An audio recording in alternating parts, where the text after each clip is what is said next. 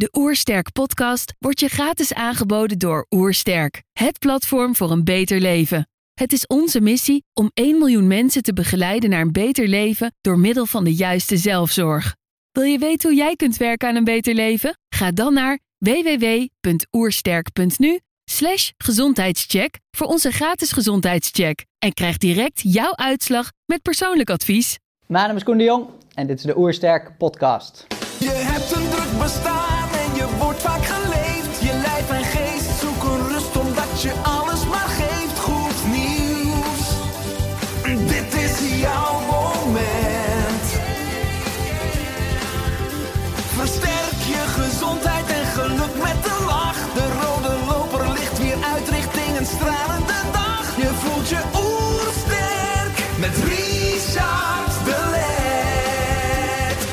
zijn hier in Heemskerk voor een podcast met Koen de Jong.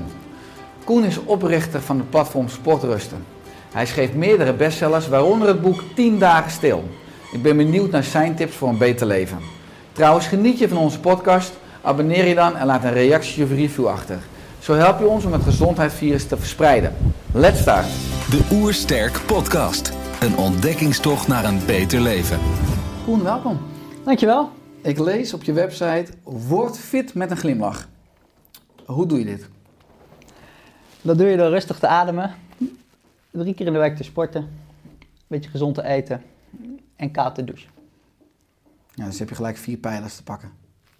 G- gezond eten, ademen, koud douchen, hardlopen.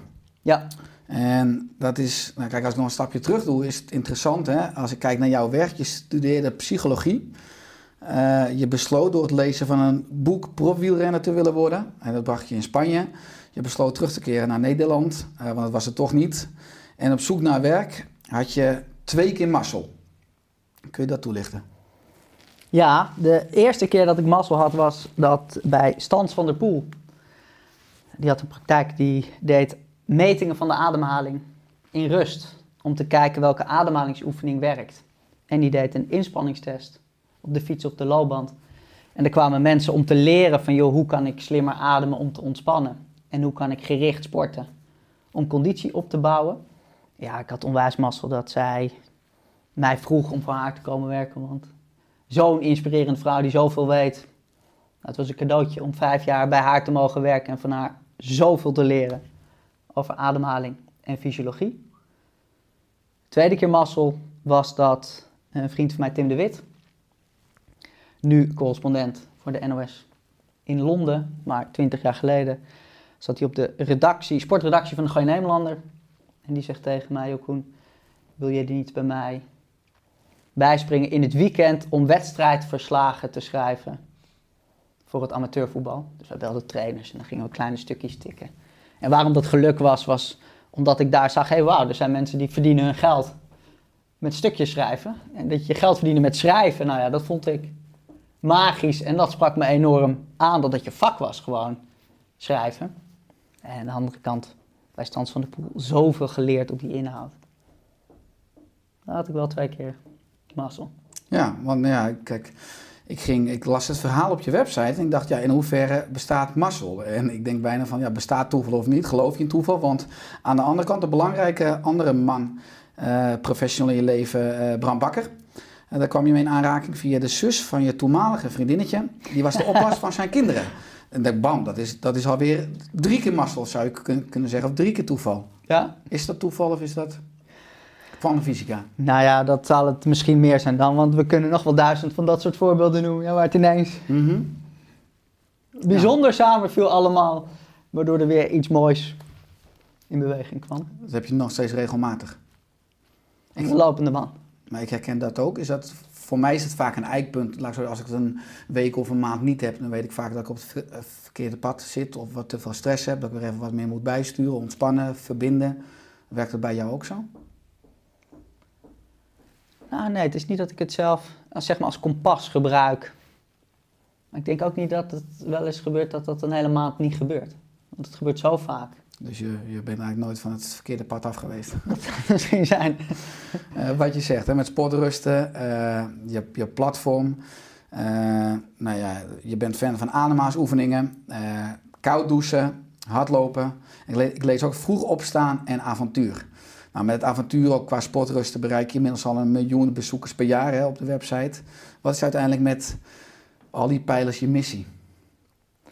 Nou, wat de overkoepelende missie is, is dat als je om je heen kijkt en je ziet dat zittend stressen en te veel eten voor veel mensen zo de norm is geworden, ja, dat je lijf daar op een gegeven moment gaat protesteren en denkt, joh, dit is niet helemaal lekker.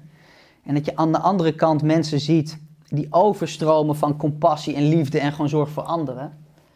Dat je denkt, ja, op de missie is dan op het moment dat je mensen een zetje kunt geven om echt wat beter voor zichzelf te zorgen. En ze voelen dan, joh, wat dat ze brengt. En ze kunnen van daaruit ook voor andere mensen wat beter gaan zorgen. Ja, dan is de missie om dat in gang te zetten. Dat mensen dat massaal gaan ervaren. Van, ja, dat lichaam is zo, zo bijzonder. Als je er een beetje goed voor zorgt, dan krijg je echt mooie dingen terug. Dus ja, doe dat. Ja, ik denk dat die verwondering, hè, dat hoor ik als je spreekt, dat lees ik ook op je website. Dus als je de juiste zelfzorg aan je lichaam en een geest geeft dan, en dat je dat ervaart, kan je dadelijk ook dat veel meer uitdragen. Eh, je noemt net gezond eten, ook als, eh, als een van de vier pijlers. Wat houdt dat precies voor jou in? Ja, dat eten is natuurlijk een complexe. Met ademhaling was dat veel makkelijker. Je kunt gewoon zien welke ademhalingsoefening werkt. En dan kun je daarover praten met voeding. Ja, dat weet je natuurlijk als geen ander. Dat er zoveel verschillende meningen zijn en dingen zijn. En wij hebben het nu teruggebracht tot drie keer per dag eten. Zonder tussendoortjes. Dat je gewoon niet de hele dag maar eet. En die bloedsuikerspiegel omhoog brengt. En dat er meer groente op je bord ligt dan koolhydraten. Ja, dan ben je al een eind op streek. Ja, want ik, ja, ik vind dat je, je kan enorm sterk eh, en, en krachtig eh, schrijven. Ook in je blogs, in je nieuwsbrieven. Eh, complexe materie eh, eigenlijk enorm laagdrempelig, zodat mensen het snappen. Eh, je kan enorm leuk schrijven, vind ik, over suikerverbranding, over vetverbranding met betrekking tot lucifer en een kaas, voor mij. Qua voeding komt ook regelmatig Willem Kotvriend terug in Ja. de informatie die je, die je verspreidt. Nou, dat is zeg maar dan voeding. Je zegt ook koud douchen. Nou ja, het zijpelt steeds meer door, onder andere door Wim Hof, waar je on- on- onder andere een boek mee geschreven hebt, een koud kunstje. Eh, maar mochten er nog mensen zijn die luisteren of kijken die zeggen, koud douchen, weet je wel, ik moet er niet aan denken. Waarom? Er zit er ook warm water op mijn knop. Ja. Wat, is, wat is de kracht van koud douchen? Nou, er zitten allemaal fysiologische componenten aan van goed voor de bloeding, bruin vet wat je aanmaakt, waar je veel aan hebt. Maar wat ik zelf nog de meest krachtige en meest bijzondere vind met koud douchen, is het effect dat dat heeft op je brein en je stemming. Iedereen kent wel dat we regelmatig natuurlijk gewoon een vol hoofd hebben. En dat je met iemand in gesprek bent en dat je ondertussen denkt, oh ik moet niet vergeten om die nog te mailen of dat nog te doen. En dat dat hoofd zo vol zit met mogelijke zorgen om de toekomst of dingen die je nog moet doen of dingen die in het verleden gebeurd zijn en iets wat mensen gezegd hebben. En een van de krachtige dingen van die kou is dat je daar helemaal uitgehaald wordt. Het is onmogelijk om die douche koud te zetten, onder die koude douche te gaan staan en te denken, oh wie moet ik nou vanmiddag nog terugbellen? Nee, Ja. dat doe je niet. Je wordt zo in dat nu en dat lijf gegooid. En op het moment dat je dan hyperventilerend onder die koude douche gaat staan en op wilskracht anderhalve minuut dat doet, ja, dan heeft het geen nut. Maar op het moment dat het je lukt om dan met aandacht bij de ademhaling compleet ontspannen onder die koude douche te gaan staan en te voelen dat het dan ook helemaal niet meer zo erg is, ja, dat is in het gedragspatroon en in je manier van denken echt een reset wat onwijs krachtig is. En ja, wat voor mij een van de mooie dingen is van bijeffect eigenlijk van die kou en wat dat doet. Doe je het zelf dagelijks? Koud douchen niet. Ik kan me daar niet dagelijks toe zetten. Wat ik zelf makkelijker vind, is nu, het is nu warm, 30 graden. Dus dan is het ook makkelijker om wel koud te douchen. Maar wat ik eigenlijk de hele winter door het liefst doe, is de gracht in. Dus ik woon in Amsterdam, vlakbij gracht. Die is gewoon een even die gracht in, twee, drie minuten. De Amsterdam City Swam doe jij meerdere keren per jaar. De hele winter door. Kwart over acht, ja. Dat vind ik verrukkelijk. Dat vind ik ook makkelijker dan koud douchen. Terwijl die gracht is op een gegeven moment natuurlijk kouder dan die douche. Maar als je het dan hebt over avontuur, ja, dat voelt echt als een soort mini-avontuurtje heel dicht bij huis. Om dan te denken, oh, nu is het echt koud. Even naar de steiger, even de gracht in. Is er niet een keer bij jou dat, dat oma agent langs het water in de kade stond? Ja, Ik denk, er is iemand uit de psychiatrie eh, ja dat was toen. het water toen ik- ingevallen.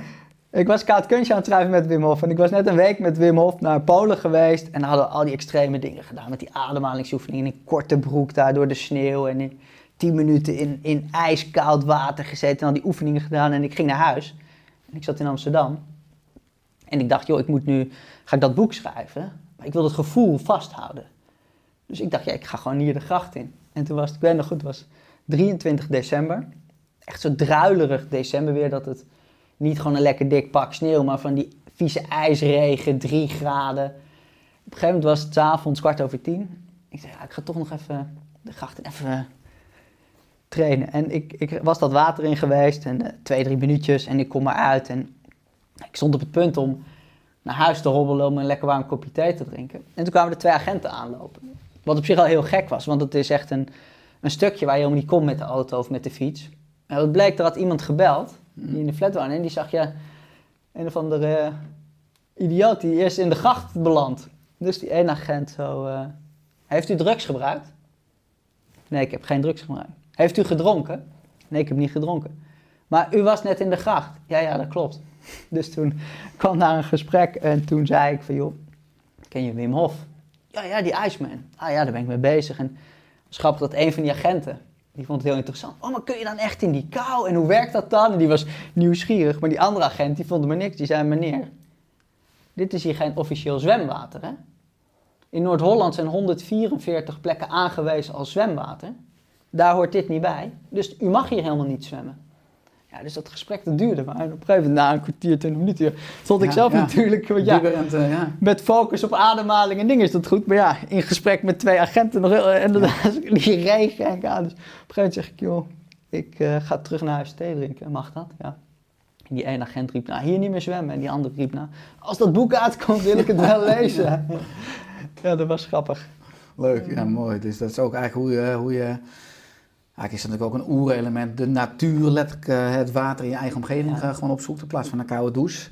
Eh, gezond eten, koud douchen. Je zegt ook, en dat bij jou veelvuldig terug in je informatievoorziening, hardlopen. Daar ben je een fan van.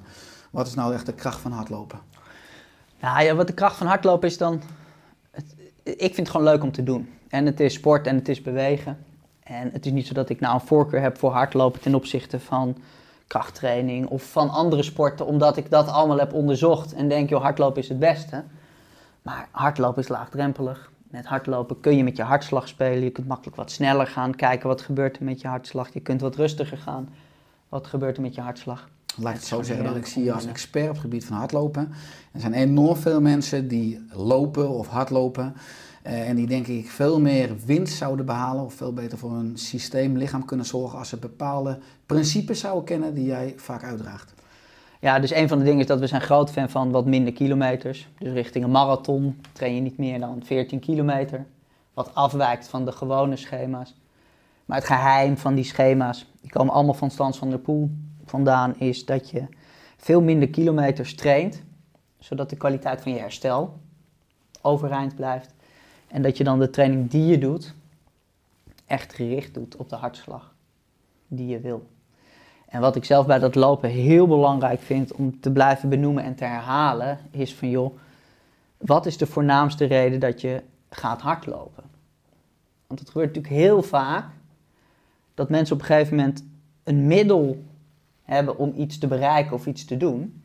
En dat dat middel zelf het doel wordt. En op het moment dat het middel het doel wordt, dan glij je wel af van waar je heen wil. En dan is, wordt het echt onhandig. Ja, dat gebeurt natuurlijk massaal. Geld is natuurlijk een mooi voorbeeld. Heel handig middel om te kunnen ruilen. Maar op het moment dat het geld zelf het doel wordt, ja, dan schiet je wel in je voet, want dan wordt het als middel, verliest het zijn functie en kan het je helemaal overnemen. Ja, en dat is met sport ook zo. Als je op een gegeven moment gaat hardlopen, omdat je wat kilo's wil afvallen, of omdat je wat stress kwijt wil, en ineens wordt dat hardlopen het doel op zich. Oh, nu moet ik een marathon lopen in die tijd. Dan kan het eigenlijk zijn dat je jezelf vergalopeert. omdat je lekker ging lopen om van wat stress te lozen. En ineens wordt het een bron van, er moet weer iets en nog meer stress erbij. Ja, en dat is iets waar we ongelooflijk veel mee proberen te doen. Om mensen aan te moedigen om te kijken, wat, wat wil je, wat wil je veranderen. Zorg goed voor je lijf en toets zelf. Werkt het? Dus je gaat wat dingen aanpassen, je gaat veranderen. Wat wil je? Oké, werkt het? Ja. Het werkt? Nou, ga ermee door. Nee, het slaat niet aan. Oké, doe wat anders. Ja, en dan minder kilometers trainen. Met een hartslagmeter je lijf echt leren kennen. En ademhalingsoefeningen na het lopen. Om ook weer dat lijf terug uit te brengen. Ja, dat doet dan echt heel veel. Ja, het is een stukje maatwerk wat je zegt. Ook een stukje meten is weten als je het hebt over een hartslagmeter. Dan lees ik ook continu over hartslagzones en omslagpunten. Kan je daar simpel iets over toelichten? Ja, het is vrij eenvoudig als je op een stoel zit. Dan is je hartslag laag. En dan hoeft je lichaam de energie niet zo snel vrij te maken. Dus dan zal je niet veel je energie snelle suikers of glycogeen aan hoeven spreken. Op dat je gaat wandelen, gaat je ademfrequentie wat omhoog, gaat je hartslag wat omhoog. Wanneer je intensiever gaat lopen, je gaat steeds versnellen, versnellen, versnellen. En dan komt er een punt. Dan maak je meer melkzuur aan dan dat je afbreekt. Dan loop je bovenbenen vol, dan ga je hijgen, dan ga je in het rood. Ja, en daartussen zitten allemaal interessante hartslagzones, waarbij je dan weet, ah, als ik nou hijgend als een paard veel melkzuur aanmaak, dan weet ik dat ik voornamelijk in die suikerverbranding zit en snelheid train. Op het moment dat ik heel rustig wandel, en dan gebeurt er fysiologisch met hartslag niet zoveel, is die verbranding niet zo hoog, maar dan haal ik het uit mijn vetten. Ja, en daartussenin zitten hartslagzones, dat je weet, joh, dan prikkel ik echt mijn lijf om te trainen, om beter te worden, zonder dat ik in het rood zit en die brandstoffen onnodig leegtrek. En van daaruit, als je daar kennis van hebt en dat weet bij jezelf, wat dat is, wat dat doet, ja, dan gaat de kwaliteit van je training wordt ineens een stuk beter en interessanter. Ja, en het mooiste is dan natuurlijk om te zien van, hey, ik ga harder lopen bij dezelfde hartslag. Dus wat ik nu doe, slaat ook echt aan. Ja, en terwijl je aan het hardlopen bent, blijf je dus eigenlijk de controle houden over je benen. Want ik ken ook wel vroeger als ik te hard ging, dat eigenlijk je benen niet meer doen wat je hoofd wil. Omdat je eigenlijk jezelf aan het opblazen bent. En, eh, en dan jezelf helemaal kapot loopt eigenlijk. En dan, nou ja, in ieder geval uh, wat je soms ook ziet, over de finish gelijk, ter aarde. Dat is eigenlijk niet volgens de wijsheid van je lichaam. Ook gewoon een stuk lopen. Nou ja, als dat is wat je wil, hmm. dan is het prima. Als jij zegt, joh, ik wil een PR lopen of ik wil gewoon zo, zo hard mogelijk gaan en dat wil ik om die die reden, is dat prima. Maar 9 van de 10 keer is dat niet de manier van lopen als je een ander doel hebt. Ja, ja je zegt hardlopen afsluiten met ademhalingsoefeningen. Uh, dat is eigenlijk uh, gezond eten, koud douchen, hardlopen, ademhaling. Nou, we ademen iedere dag. Tenminste, mag ik hopen. Anders zouden mensen deze podcast niet kijken of luisteren. Uh, maar we leren er eigenlijk niets over. In tenminste, een maatschappelijk instituut, basisonderwijs. Ik denk dat het een gemiste kans is. Maar wat is nou echt de kracht van ademhalingsoefeningen? Ja. Hebben we vijf uur in deze podcast? Ik heb alle tijd. Ja, het is die ademhaling, dat is, het is spectaculair. Wat je daar allemaal mee kan. En ik heb daar zelf het geluk gehad met onwijs veel hele slimme, inspirerende mensen te mogen interviewen, te mogen vragen over die ademhaling. En je kan er zoveel kanten mee op. En een van de dingen die, die je veel ziet, die veel aan de hand is, is dat mensen eigenlijk ongemerkt sneller ademen dan nodig. Dus in principe als je zit, als je op een stoel zit en je doet niet zoveel, is een ademfrequentie van 6 tot 8 per minuut genoeg. Nou, er zijn heel veel mensen die ademen in rust 10, 12, 14, 16, 18, 20, 22, 24 keer per minuut. Nou, en wat er dan gebeurt, is dat lichaam staat continu aan. En ik heb metingen gedaan bij mensen en ik heb letterlijk metingen gedaan van mensen die in rust 32 keer per minuut ademden, een hartslag hadden van 107. En dan vroeg ik, joh, hoe voelt dit?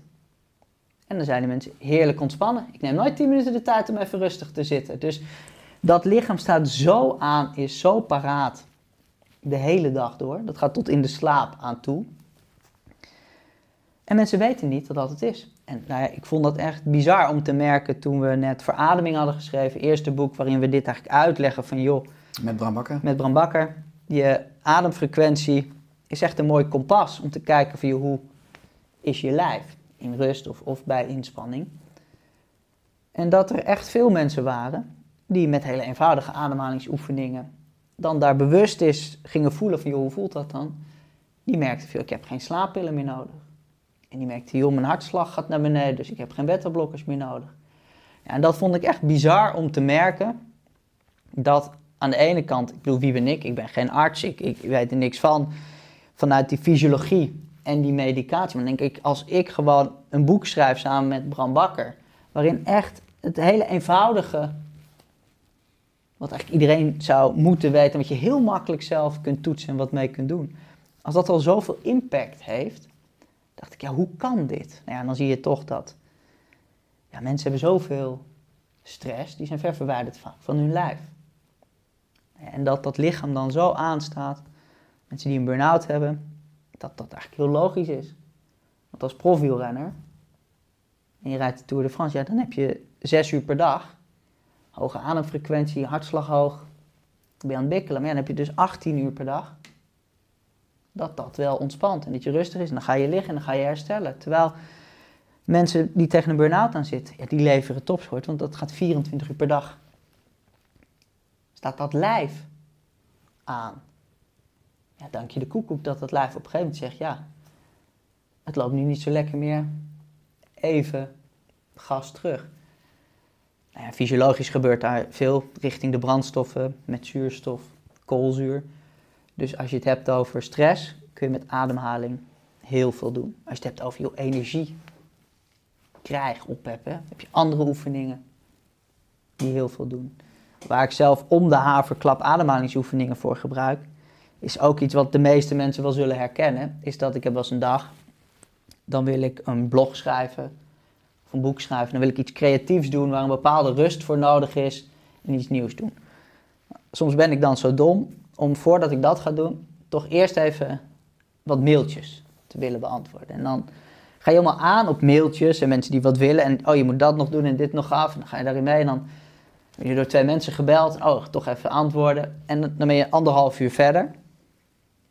En dan sta je helemaal uit op die creativiteit of die rust of wat je wilde doen. En helemaal aan op, nou ja, alles wat er moet en gedaan moet worden. Ja, en om dan daarin weer terug te schakelen naar die creativiteit of die ontspanning, ja, daar kun je met een ademhalingsoefening heel veel doen.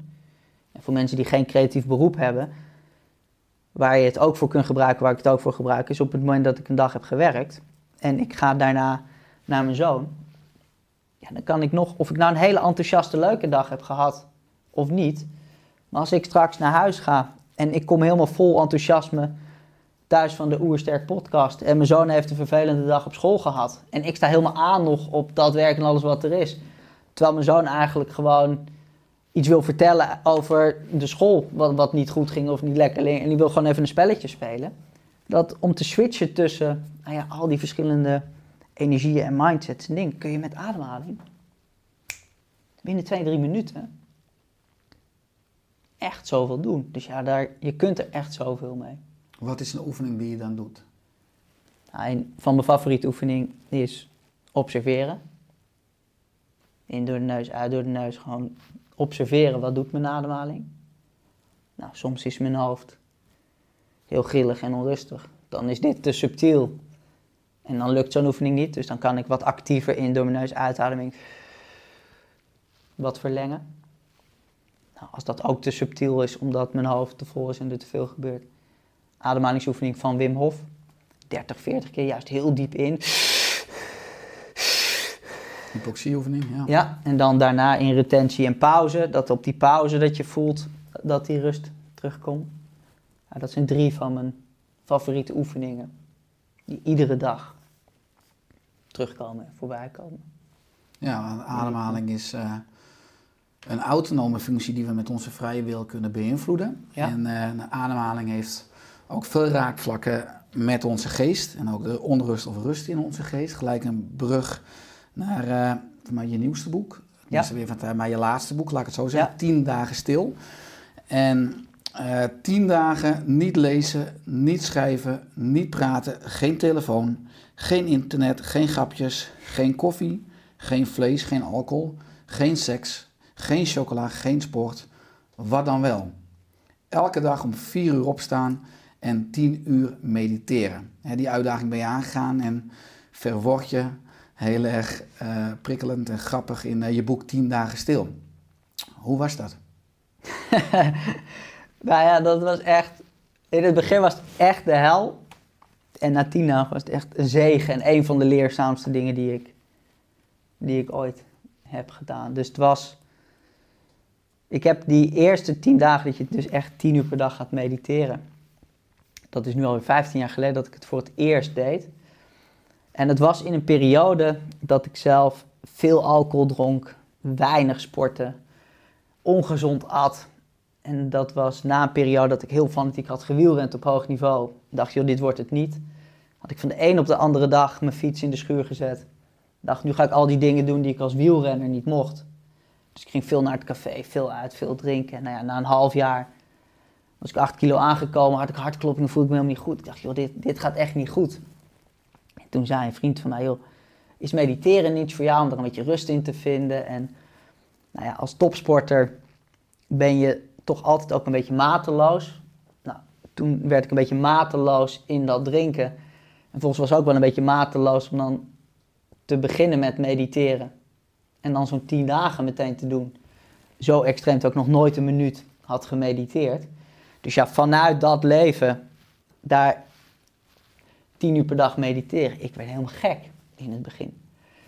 En het was heel moeilijk om die oefeningen te doen die die meditatieleraar zei. Terwijl die oefening zelf was zo simpel als wat. Want was, was de instructie op dag 1 is, die meditatieleraar zegt je, observeer je ademhaling in het driehoekige gebied. Dat begint tussen je ogen, dan je neusvleugels bestrijkt en dan het gebied boven je bovenlip. In dit gebied observeer je ademhaling. Nou, met mijn verstand kan ik denken, oké, als ik mijn mond dicht heb en ik adem de hele tijd, dus ja, hier is luchtstroom. Dus ja, er is wat te voelen. Maar ja, als die gedachten alle kanten op gaan, je voelt niks, je denkt, joh, wat, wat heeft dit nou voor nut? Wat kan dit nou te betekenen hebben? En dan merk je, en dat vond ik op dag 1 al bizar om, om te ervaren, is dat als iemand vooraf mij had gevraagd van, joh, wie bepaalt wat jij denkt? Dus ik zeg, ja, dat bepaal ik toch zelf wel. Doe wie anders. Maar op het moment dat iemand je de instructie geeft, je observeer je ademhaling in dit gebied. En je neemt je echt voor om dat te doen. Maar dat het gewoon geen minuut lukt, letterlijk geen minuut, omdat er in die minuut, het is saai, het is, je denkt van ja, wat, wat valt er te voelen? Dus er plopt de gedachte op. Ja, wie bepaalt wat die gedachte is? Het is niet dat ik dacht, deze oefening vind ik saai, ik stop met die oefening, ik ga even daaraan denken. Nee, het is niet een besluit, maar toch, om de haverklap ploppen de gedachten op. En die gedachtenstroom was gewoon onophoudelijk op dag 1, 2, 3, 4.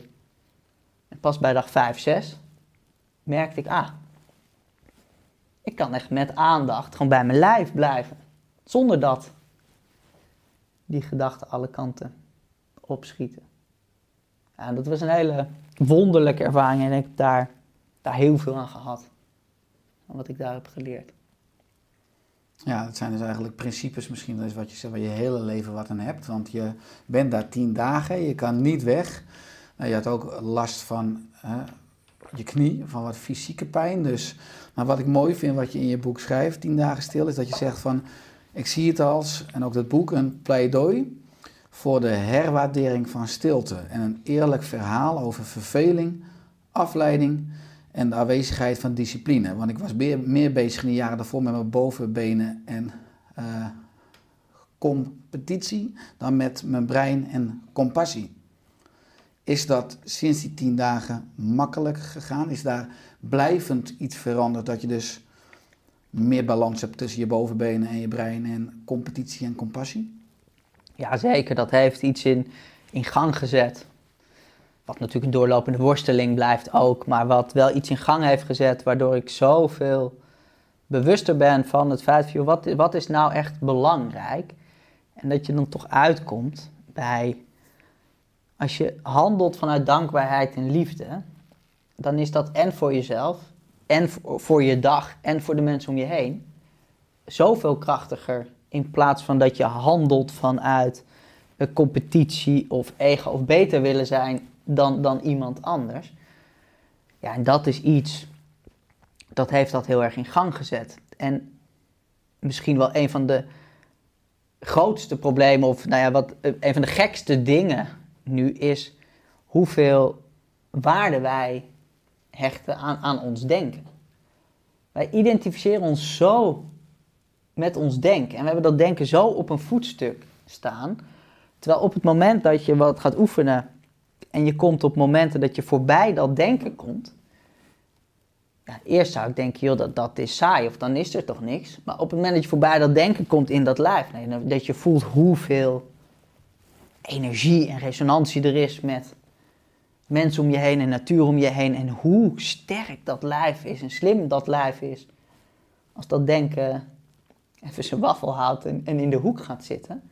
Ja, en dat is wel iets wat heel krachtig is om, om te oefenen. Dat je in plaats van dat je iets denkt, en dat vanuit zo'n gedachte een bepaalde emotie komt, en vanuit dat emotie dat je bepaald gedrag gaat vertonen, en dat je vanuit dat bepaalde gedrag dan weer terugkomt bij bepaalde gedachten en denken. Dat je zo'n van die cirkels draait. Van denken, emotie naar gedrag. Ja, dat als je daar geen erg in hebt en je past niet op bij wat je denkt, en je bent de hele dag, denk je in, oh, als ik mijn baan verlies, dan gaat het mis. Oh, ik ben niet knap. Oh, ik ben niet goed. Oh, ik ben geen goede ouder. Oh, ik ben lelijk. Oh, ik heb geen discipline. Oh, ik doe dat niet goed. Ik doe zus niet goed. Als het begint met negatieve gedachten. En van daaruit ga je in die loopjes draaien met negatief. Ja, dan is je dag en je leven wordt echt wel beroerd. Tot op het moment dat je dat doorhebt en denkt, hé, hey, ik heb negatieve gedachten. Maar ja, dat zijn mijn gedachten dat hoef ik niet te zijn. Of daar hoef ik me niet mee te identificeren. Of die hoef ik niet serieus te nemen. En je kunt gaan denken vanuit dankbaarheid, compassie, liefde. En je gaat rondjes draaien met, oh, wat ben ik dankbaar. Oh, wat ken ik veel mooie mensen. Oh, wat zijn er veel mensen om mij te helpen. Oh, wat heb ik mensen veel moois te geven. En je gaat vanuit die gedachten, krijg je een bepaalde emotie. En je denkt, oh, dit is fijn en mooi. En van daaruit heb je gedrag. En dan krijg je wel cirkeltjes die een stuk prettiger zijn. Ja, en dat is iets om je daarvan bewust te zijn en te merken bij jezelf hoe dat werkt. En hoe je dat brein kan temmen. Om voor je te werken in plaats van dat dat brein de baas wordt en jouw hele gedrag en je dag bepaalt. Ja, dat is onwijs leerzaam en krachtig. Ja, je wordt meer de waarnemer, dus in plaats van de speelbal eigenlijk dan van je gedachten. Ja. Uh, je noemde net al drie ademhalingsoefeningen die je veel gebruikt, wat je ook eigenlijk als een korte vorm van meditatie kan zien. Uh, bij meditatie uh, heeft ademhaling ook natuurlijk een belangrijke rol. Ik lees in je boek, de adem is van nature sterk verbonden met de geest. ook hoe de geest zich voelt. De adem kan je dus niet alleen helpen bij het onderzoek naar de realiteit van het lichaam, maar ook bij het onderzoek naar de realiteit van de geest. En wat ik enorm leerzaam vond, is dat je het dan hebt in je boek over onvermijdelijk lijden. Ik bedoel, dat maken we allemaal mee uh, in het leven, minder leuke dingen. Hè. Dat kan je de eerste pijl noemen. Maar als reactie daarop hebben we uh, dus die emoties, ge gedachten, dingen die we zelf toevoegen. En die vaak tot fysiek lijden zorgen, hè, door ook de activatie van de sympathicus, van de stressaf, uh, stressas. En dat heet, dat heet de tweede pijl. En dat veroorzaakt misschien voor een belangrijk deel menselijk lijden. Hè? Want het is heel wat anders dan die eerste pijl. Kun je daar wat over toelichten? Ja, het is. Um, we hebben natuurlijk aan de lopende band dat je op een gegeven moment dat. Stel, uh, wij zitten hier in deze podcast en nu uh, ben je heel aardig en stel je allemaal leuke vragen en is gezellig. Maar als jij nu zegt van joh, ik heb uh, tien dagen stilgelezen. En echt, dat is echt een waardeloos boek en er staat alleen maar onzin in als, als er zoiets zegt en ik zou dan denken van, hé, hey, dat zou bij mij iets aanwakkeren van, hey, dat vind ik vervelend of daar voel ik me ongemakkelijk bij. En dat is dan de eerste pijl, van joh, er wordt iets onaardigs gezegd. En op het moment dat ik dan me niet verlies in zo'n emotie of zo'n reactie, omdat ik dan zou denken, maar die Richard is, die, die weet het echt niet. En ja, die doet dat verkeerd en die doet zus verkeerd. En ehm, oh ja, of ik, of ik zou het op mezelf betrekken, denk ik, oh ja, ik kan ook eigenlijk helemaal geen boeken schrijven. Of oh, ik kan dat ook niet, of oh, ik heb dat niet goed gedaan. Of oh, als veel mensen dit dan gaan kijken, dan zal dat wel niet goed gaan. Of dan zullen die mensen me niet goed vinden. Of dan, je gaat van alles bij bedenken en het dan groot maken. Op het moment dat je na die eerste pijl en voelt van hé, hey, dit is onbehagelijk of dit is vervelend omdat iemand iets onaardigs zegt. En je kunt dat gewoon objectief observeren. Van oh ja, nou ja, maar dat is dan wat het is. En je oefent dan gelijkmoedigheid bij wat er opkomt in plaats van dat je daar helemaal in meegaat en dat je emotioneel ook helemaal overneemt. Ja, dat is dat verhaal van eerste pijl, tweede pijl. Waar je in het dagelijks leven natuurlijk aan de lopende band mee te maken hebt en wat heel prettig is. En ja, goed, dat voorbeeld dat jij nu onaardige dingen over het boek zou zeggen, dat is natuurlijk een voorbeeld. Maar met je kinderen heb je dat natuurlijk ook heel veel. En heel erg. Als je kind iets doet wat je niet prettig vindt, als je zegt: Oké, je mag drie kwartier gamen. Nou ja, zie, zie zo'n kind van na drie kwartier maar eens achter die computer vandaan te krijgen. Ja, dat is een uitdaging. Want ja, die spelletjes die worden zo verslavingsgevoelig mogelijk gemaakt. Dus er zitten allemaal slimme mensen die heel veel weten van het brein. Die willen zorgen dat dat kind daar langer blijft. Ja, en op het moment dat je dan na drie kwartier zegt: Oké, het is nu basta, stoppen. Ja, en je krijgt je kind er nog niet weg. Ja, dat is echt zo'n moment ook. Dan denk je: Ik ben toch de ouder en moet luisteren. Dat is niet goed. En we, we, hadden dit afgesproken en dit. Terwijl op het moment dat je daar niet in belandt, maar denk ja, er zitten ook allemaal slimme types die maken die spelletjes zo verslavingsgevoelig mogelijk. Dus ik moet nu een ontspannen manier bedenken om hem uit die computer te krijgen. En ja, dat je dan daar zelf in ieder geval rustig in blijft. Het kan best zijn dat je dan soms streng of boos optreedt omdat dat functioneel is. Maar niet omdat je dat voelt en omdat je helemaal in die emotie terechtkomt. Ja, en dat is heel prettig voor jezelf om je niet zo te verliezen in tweede pijlen, derde pijlen en wat er dan aangaat. Maar om dat te kunnen beschouwen. In plaats van je erin te verliezen. Het juiste perspectief te behouden. Ja. ja. Ja, want heel veel mensen in het moderne leven hebben chronische stress, ervaren chronische stress, laat ik het zo zeggen. Ademen te snel, vaak ook een uh, hoge borstademhaling. Uh, je kan zeggen dat ze daardoor eerder problemen ook waarnemen, of net als een hond die achter zijn eigen staart aanrent. Uh, wat ik enorm herkenbaar vond, is dat je zegt van hé, je kunt zeggen dat stress het probleem herkennend vermogen vergroot en je pro probleemoplossend vermogen verkleint. Wat dan weer gekoppeld is aan de amygdala, het belangrijkste ja. angstcentrum ook in ons limbisch systeem, in ons zoogdierenbrein. Is dat iets wat jij ook dus vaak tegenkomt bij de mensen die je begeleidt in de groepen waarvoor je spreekt? Ja, dat kom je eindeloos tegen. Sterker nog, ik had dat zelf uh, ook weer toen met die uitbraak van corona. Dat er even was van, joh, we hadden lezingen staan, we hadden wat congressen staan en we hadden dit staan. En uh, nou ja, van de een op de andere dag alles afgezegd. Plus natuurlijk dat je dan uh, op een gegeven moment denkt, van, ja, ik hoop toch niet dat die corona bij een van mijn naasten en dat dat echt dichtbij komt of gevaarlijk wordt. En dat je een gegeven moment dan natuurlijk vanuit de media daar veel informatie op kwam. En dat ik mezelf er ook op betrapte. Dat ik op een gegeven moment, als ik een blogje wilde schrijven of als ik gewoon wat, wat wilde werken en doen, dat ik op een gegeven moment wel drie keer per uur op nos.nl zat te kijken en eigenlijk hetzelfde soort artikels zat te lezen van ja, het, het is in opkomst en het groeit en het, het, het breidt uit. Dus dat de angst voor zoiets maakt dat dat brein daar steeds naartoe teruggaat. Dat is van oudsher natuurlijk heel slim, want ja, op het moment als wij hier zouden zitten en de boef vliegt hier in de fik, dan is het een logische dat, dat je bang bent van dat vuur, want je weet dat is gevaarlijk. En dat je dan niet denkt, oh, is mijn vee te strik of even rusten. Nee, maar dat je met je hele aandacht naar dat gevaar gaat, omdat je dan in veiligheid moet komen. Dat, dat mechanisme is slim. Maar ja, op het moment dat het gevaar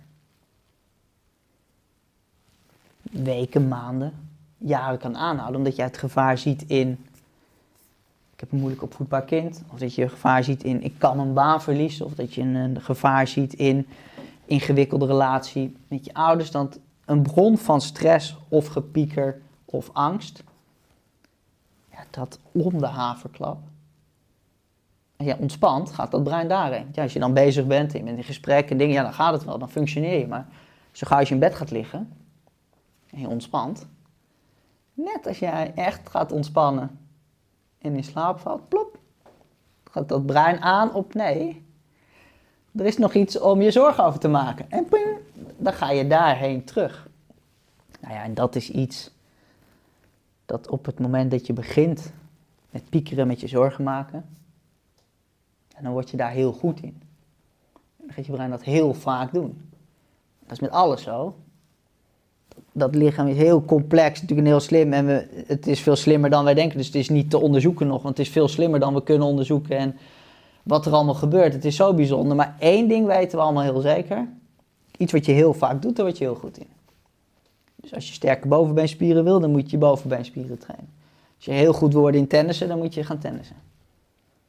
Ja, en als je heel veel gaat piekeren, dan word je heel goed in piekeren. En dan gaat dat brein daar zich ook herkennen en op een gegeven moment zelfs mee identificeren. Dat je denkt, ja, ik ben dat. Nou ja, en dat is een loop, daar wil je natuurlijk niet in terechtkomen. En dat is een loop, dat als je daar eenmaal in terecht bent gekomen, je kunt eruit komen. Het is, je hebt, het is een gedrag, een manier van denken dat je jezelf hebt aangeleerd. Dus je kunt ook dat afleren en de andere kant op gaan. Ja, en daar is die ademhaling heel mooi kompas voor een hele mooie sleutel in. Om daar wat mee te doen. Ja, het zet mensen ook weer in het nu. Heel Ja. erg.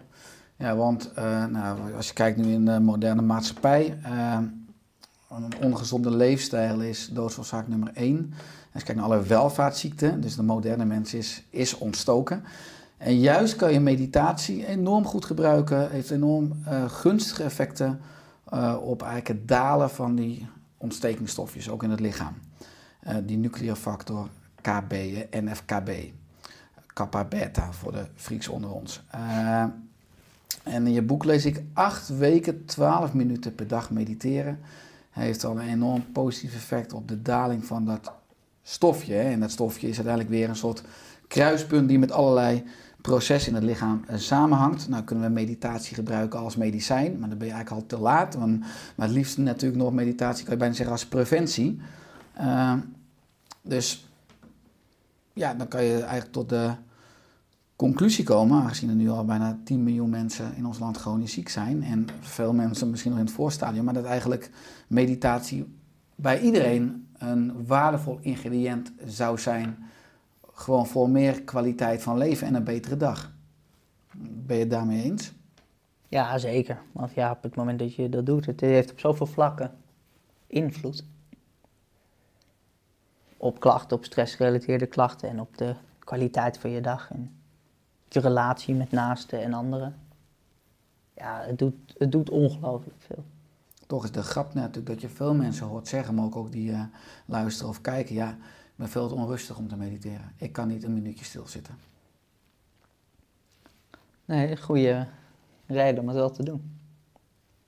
Nou, en dat is wat ik met 10 dagen stil ook wel echt probeer. Is want je komt natuurlijk snel ook wel op, op een punt van, joh, het is goed en je moet het doen. Terwijl ja, als je zegt je moet het doen, dan zou ik ook al gauw denken van, joh, hoepel jij maar op, ik Dat moet ik helemaal niks. wel, En eh, dat bepaal ik zelf wel, ja. En op het moment dat je zegt van, ja, ik, ik mediteer iedere dag een half uur. Dat je denkt, ja goed, dat, eh, daar heb ik echt geen tijd voor, daar heb ik echt geen zin in. Maar daarom schrijf ik in dat boek ook die eigen worsteling van mij. Dat ik in het begin ook geen minuut kon.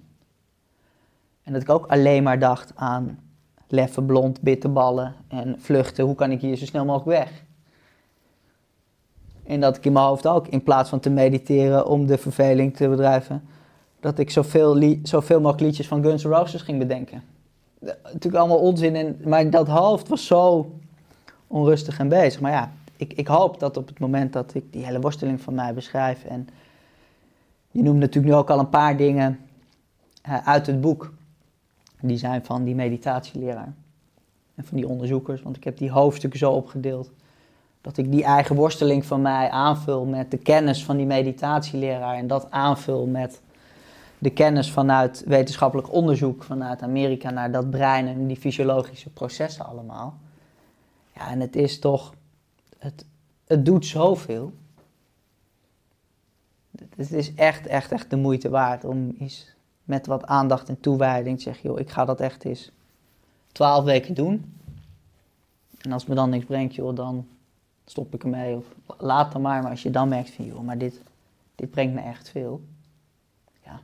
En de kans is groot dat als je het helemaal twaalf weken doet, dat je niet anders wil. Want dan zal je de positieve effecten Ja. ervaren. Tenminste, dat kan ik ook zeggen uit mijn eigen leven. Eh, je schrijft het boek zo gedetailleerd. Had je in dat centrum die tien dagen ook een dagboekje? Of heb je een fantastisch geheugen dat je dat achteraf nog helemaal hebt kunnen reproduceren? Nee, je mocht ook niet schrijven. Dus ik mocht niks schrijven. Dus ehm, het is zo dat het. eh, het was, je, je concentratie wordt natuurlijk wel heel hoog door daar te zitten. Dus ja, als iets zo lang geleden is en tien dagen. Terwijl je daarnaast gewoon leeft en prikkels hebt en indrukken hebt, dan had ik dat zeker niet zo kunnen onthouden. Maar het is wel, nou ja, wat, wat ik beschrijf, er waren zoveel van die ervaringen en wat, wat ik zo intens beleefde, ja, dat het wel echt bleef hangen. Ja, ja want tien dagen stil is eh, een van de zeven boeken hè, die je schreef met vakidioten. Eh, ook over ademhaling met Bram Bakker, over wielrennen, dus over meditatie, een marathonlopen, koud douchen met Wim Hof. Eh, is het ook een afspiegeling van je eigen ontdekkingstocht? Dat je ook altijd nieuwsgierig eh, bent geweest naar, naar eigenlijk manieren om meer in je eigen kracht te komen? Ja, ja, zeker, dat is het heel erg. Ik ben nou zeer nieuwsgierig en doorlopend bezig. Ja, als er dan weer zo'n inspirerend leuke type langskomt, die heel erg enthousiast is over iets. Je gaat er dan zelf proberen en je merkt, joh, wauw, dit, dit doet ook echt veel. Ja, dan wordt er weer iets aangezet en denk je, oh, hier zit misschien weer een boek in of hier, hier kun je wat mee. En ik ben daar nooit naar op zoek geweest. Dus al die mensen die komen ook, nou ja, op een pad, op een manier van, ja, je begon het gesprek met, ja, is dat toeval of niet? Nee, maar het is wel, komt steeds wel weer dan iets nieuws. En, eh, Ja, want als je kijkt naar al die, al die kennis in die boeken. eh, je geeft online trainingen, tenminste, je, geeft, je hebt online trainingen, dat staat natuurlijk online. Eh, je schrijft veel, je geeft lezingen, je hebt een eigen lidmaatschap. Eh, hoe zorg je met al die activiteiten voor balans? Nou, wat voor mij het, een van de allerbelangrijkste gewoontes die, die ik zelf heb, nou ja, waardoor dat eigenlijk vrij ontspannen en rustig voelt allemaal, is om, om de dag te beginnen met, met een ochtendritueel. Dus iedere ochtend begin ik met half uur mediteren, met wat lezen in een boekje, met wat opschrijven, wat ik die dag wil doen en met bepaalde affirmaties van dankbaarheid. En ik merk vooral wat het effect is van dat ochtendritueel op de dagen dat het erbij inschiet. Dus op het moment dat ik wel denk, nou ja, gisteren was het wel laat. Ik heb nu geen zin om een uur eerder eruit te gaan. Ik pak een uurtje slaap. En dan op het moment dat ik dan de dag begin met, nou ja, kind wakker maken, naar school en bezig. En oké, kind de deur uit de eerste afspraak. En dan vanuit de afspraak naar, naar de volgende afspraak. Dan merk ik de hele dag door dat ik al bezig ben met wat er gaat komen. Dat er een bepaald onbehagelijk gevoel is van geleefd worden en van, oh, ik moet straks nog dat doen en ik moet straks nog die doen en ik moet straks nog zus doen. Terwijl op het moment dat ik begin met dat ochtendritueel en ik heb precies dezelfde dag, met precies dezelfde afspraken, ja, dan ben ik veel meer in het nu en ontspannen. Dat ik gewoon denk, ja, ik zal het goed gepland hebben, dus ik hoef pas te kijken naar wat ik straks hoef te doen als, als dit is afgerond. En ja, veel meer vanuit ontspanning en zelfregie en, en in het nu. Dus ja, dat is voor mezelf de manier om nou in ieder geval overzicht te houden en daar een rust te bewaren. Maar een belangrijke strategie is dus dat je zegt, ik sta echt een uurtje eerder op. Dat is, heb ik dat, die ochtendroutine al. En daarmee win ik eigenlijk aan mijn dag. Daarmee heb ik de hele dag dus al die Ja. rust en veel meer efficiëntie, maar uiteindelijk veel meer voldoening. Ja, zeker. En, eh, en ik heb ook niet meer het gevoel dat ik werk. In de zin van, ik moet werk doen aan dit. Ik heb veel meer het gevoel van, joh, die ademhalingsoefening is zulke interessante kost. Ik ben bezig om mensen aan te moedigen om verschillende ademhalingsoefeningen te proberen en te kijken wat voor ze werkt. Mensen die wat willen met hardlopen, te leren van, joh, bij welke intensiteit kun je dat nou het slimst doen? En met, met die kou en met die voeding erbij, het is zo erg van, joh, ik ben over die, die, die, die dingen enthousiast. We gaan ontdekken, gaan onderzoeken wat bij jouw lijf op dit moment werkt. En ja, wat je daar dan allemaal voor terugkrijgt. Aan positieve energie en aan, aan dankbare mensen weer. Ja, dan zit je zelf ook natuurlijk. Zo, dat voelt zo weer goed dan. En ja, dan voelt dat helemaal niet meer als. Oh, ik moet aan het werk van dan tot dan of zo. Nee, dat loopt dan heel organisch allemaal in elkaar door. En het voelt vooral als, ja, we zijn echt lekker bezig en eh, doen een hoop mooie dingen en komen een hoop mooie mensen op mijn pad. Mooi, krijg je veel brieven, krijg je veel mails, Heel veel mails, ja. berichten op social media mogelijk. Ja. Ja, en mails echt, echt dagelijks van die mails van hele lange mails dat mensen dan ervaringen delen en beschrijven van joh, eh, ik heb dat Tem je breinprogramma voor met die ademhalingsoefeningen en nu merk ik dit. En hele gedetailleerde leuke voorbeelden. Dat denk ik, joh, dat komt echt daarvoor en dat, dat is echt heel fijn. Of nou ja, met, met voeding gaat het natuurlijk ook altijd heel snel. En dan merk je ook en dat hoeveel mensen er afgegleden zijn van dat lijf voelen en van joh, wat is nou eigenlijk gezond? Dus dat je, soms verbaas ik me erover. Ik denk, hè, maar dat, dat doe je toch niet? Maar dat mensen dat eigenlijk heel vanzelfsprekend of helemaal niet gek vinden dat ze dat dan wel doen. Ik kreeg vanochtend nog een mailtje van iemand die, eh die was 6 kilo afgevallen met dat programma. En zei, ja, ik, ik denk dat het, eh, wat, wat eigenlijk heel rustig voelt, is, eh, ik dronk normaal zes blikjes Red Bull per dag. En ja, daar ben ik maar mee gestopt. Want ja, ik, die frisdrank moest er even uit en, en die suikers. En dat tel, omdat dat tel was een eetmoment, nou ja, ben ik daarmee gestopt. En ik merk eigenlijk dat nu ik die, dat Red Bull niet drink, ja, dat dat echt veel rust geeft. En dan denk ik, ja, zes Red Bull drinken op een dag, dat, dat doe je toch niet? Of ja, dat, dat voelt toch ook helemaal niet prettig?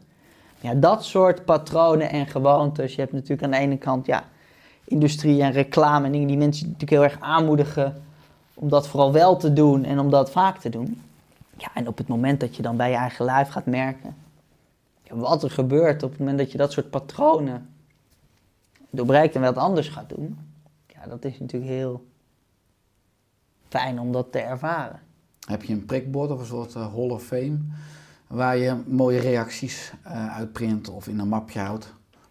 Nee, ik heb een paar reacties die ik echt wel heel bijzonder vond. Die heb ik eh, inderdaad uitgeprint. Nee, maar het is niet echt een wolf. hè, met, eh, Maar je hebt natuurlijk een enorme breedte waar je over, eh, over, eh, over spreekt, over schrijft. Qua koud douchen, qua meditatie, hardlopen, gezond eten.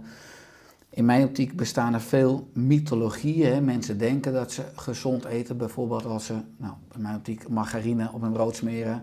Of eh, dat ze gezond douchen als alleen maar heet douchen. Nou, fijn.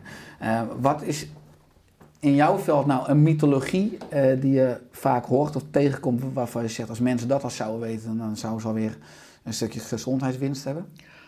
Nou, dan kom ik toch uit bij die ademhaling. Dan zou ik toch denken, joh, als je gewoon op een stoel zit in rust, ontspannen, ademfrequentie van 6 tot 8 per minuut. Is genoeg, is ontspannen. Doet heel veel. Dus ik toch denk, als je alleen die al weet, eigen maakt. In de zorg voor de klas en dingen. En dat zou rondcijpelen, dan denk ik al dat er heel veel gewonnen wordt met zoiets, zoiets simpels. Nou, dus ook als je gewoon op vaker op een dag al in zou tunen in je lichaam. En je bewust bent van hé, wat is mijn ademhalingsfrequentie? En, eh, en dus het gewaar wordt en dan weer wat beter kan bijsturen. dan is dat natuurlijk op de lange termijn een enorme winst. Ja, wat het grootste, wat de grootste winst is op het moment dat je iedere dag die oefening doet, is dat je vrij snel op een punt komt dat je helemaal niet hoeft voor te nemen om die oefening te doen, gedurende de dag, om- om die oefening te doen op het moment dat je onrustig wordt. Maar dat dat tweede natuur wordt. Dat op het moment dat toen ik hierheen reed, net ik was strak op tijd weggegaan en kwam er toch een filetje. Ik dacht, nou ja, file nu, dat, dat zal toch niet. Maar toch een filetje, dat toch even. Ja, dan kom ik te laat. Ik vind het vervelend om dan te laat te komen als we hebben afgesproken. Dus dat ik even voel van, hé, hey, onrust. Maar ja, dat voelen is hetzelfde als een oefening doen. Want het is onmogelijk om bij jezelf waar te nemen. Hé, hey, wat adem ik hoog, onrustig en snel? En daar niks mee te doen. Het gaat mis op het moment dat je daar geen acht op slaat. En verzandt in een derde pijl en een vierde pijl. Oh, dan kom ik te laat en dan gaat dat mis. En heb ik haast of dit of geen tijd of dit. Oh, waarom ben ik dan zo'n sukkel niet wat eerder weg te gaan? Ja, dan kun je er van alles bij bedenken. En dan blijf je in die onrust. Ja, dan kom je hier onrustiger aan. Dan is zo'n gesprek niet leeg. En dan sta je nog helemaal aan. Terwijl op het moment dat je dat waarneemt, ja, het is nu wat het is. En dan blijkt natuurlijk ook dat het helemaal meevalt. En dat het helemaal niet echt heel lang duurt. Maar dat soort momenten. En ik begrijp dat ik makkelijk praat heb hoor, met mijn werk en mijn leven, omdat het ook dat onderwerp is. Maar je gunt dit vooral zoveel mensen ook in de zorg en leraren, die natuurlijk om de haverklap met iets wat buiten hen gebeurt, logischerwijs aangezet worden. En op het moment dat je daarin een ritueel op een manier vindt, gewoon met regelmaat even terug naar jezelf. En je kunt gewoon elke handeling blijven doen die je al doet. Dus je hoeft niet je terug te trekken en 20 minuten met een koptelefoon op gaan liggen of meditatieoefeningen te doen. Nee, je kunt alles blijven doen wat je doet. Maar zo gauw je ervan bewust bent en het voelt en even in, uit, pauze, ja, dan haal je om de havenklap de angel uit die stress, uit die gejaagdheid. Ja, en dat is natuurlijk echt heel veel heel veel waard. Ja, maar wat je zegt is een enorme rijkdom. Dat jij van je werk je levenswerk hebt gemaakt. Dat je over dingen spreekt en dingen uitdraagt waar je zelf veel affiniteit mee hebt. Waar je energie van krijgt. Waar je ook jezelf mee in balans houdt. Hè. Dus dat is dubbele winst. Dan lees ik ook op, uh, op je website. Uh, ik vind het menselijk lichaam wonderbaarlijk mooi. Uh, de kracht van het brein, het hart, de spieren. De samenwerking van de honderdduizend miljard cellen. Af. Dat ons lichaam moeite heeft met zitten, stressen en te veel eten, weten we nu wel. Daarom blijf ik mensen aanmoedigen om met me mee te doen. Mediteren, ademhalingsoefeningen, koude training, hardlopen, wielrennen en af en toe een extreme fysieke uitdaging. Moedig voorwaarts sluit je af. Wat is je missie of je droom van de komende jaren? Nou, zoveel mogelijk mensen meekrijgen met ademhalingsoefeningen, hardlopen, gezond eten en koud douchen. En dan kijken wat dat brengt en doet. Is het echt zoveel of heb je daar ook een aantal bij? Een miljoen, vijf miljoen? Nee, jij hebt dat met een miljoen, hè? Ik heb een miljoen gesteld. Ik doe gewoon met je mee. En wanneer een miljoen? En- Wij hebben in dan- 2022. Dus Overlap is natuurlijk logisch, want ja, mensen die natuurlijk op een gegeven moment geïnteresseerd zijn in dit. Maar als jij er nou 1 miljoen doet en ik doe 1 miljoen anderen, we samen al dan twee hebben we al 2 miljoen. miljoen. En dan, Exponentiële eh, impact. Dat is een goede deal. Laten we dat doen. laten we dat doen. Is er aan het einde van de podcast nog iets wat je wilt toevoegen? Nou, ik wil nog een keer zo'n gesprek doen en dat ik dan de vragen kan stellen. Ja, want ik dacht om de havenklap, oh, wat vind jij ervan? Ik dacht, ja, nee, maar ja, dus nu in deze setting. Dus laten we het een keer overdoen en dan omdraaien en dan... eh, Superleuk. Ja, ja, ja, ik heb een andere rol. Vooral vragen stellen en goed luisteren. Ja. Eh, wat trouwens, eh, waar ik van genoten heb, dank. Is er aan het einde van de podcast, waar kunnen mensen nou meer over jou of over sportrust te vinden? Sportrusten.nl. Platform waar alles staat. Ja, Nou, Koen, nogmaals super, eh, super leuk om je weer te spreken. dankjewel. Leuk om hier te zijn. Wederzijds dank voor eh, je deelname aan de Oerstak podcast. En eh, alle goeds met die miljoen mensen. Ik ook een miljoen. En dan, dan gaan we samen twee miljoen mensen een beter leven geven. Moedig voorwaarts. Dankjewel.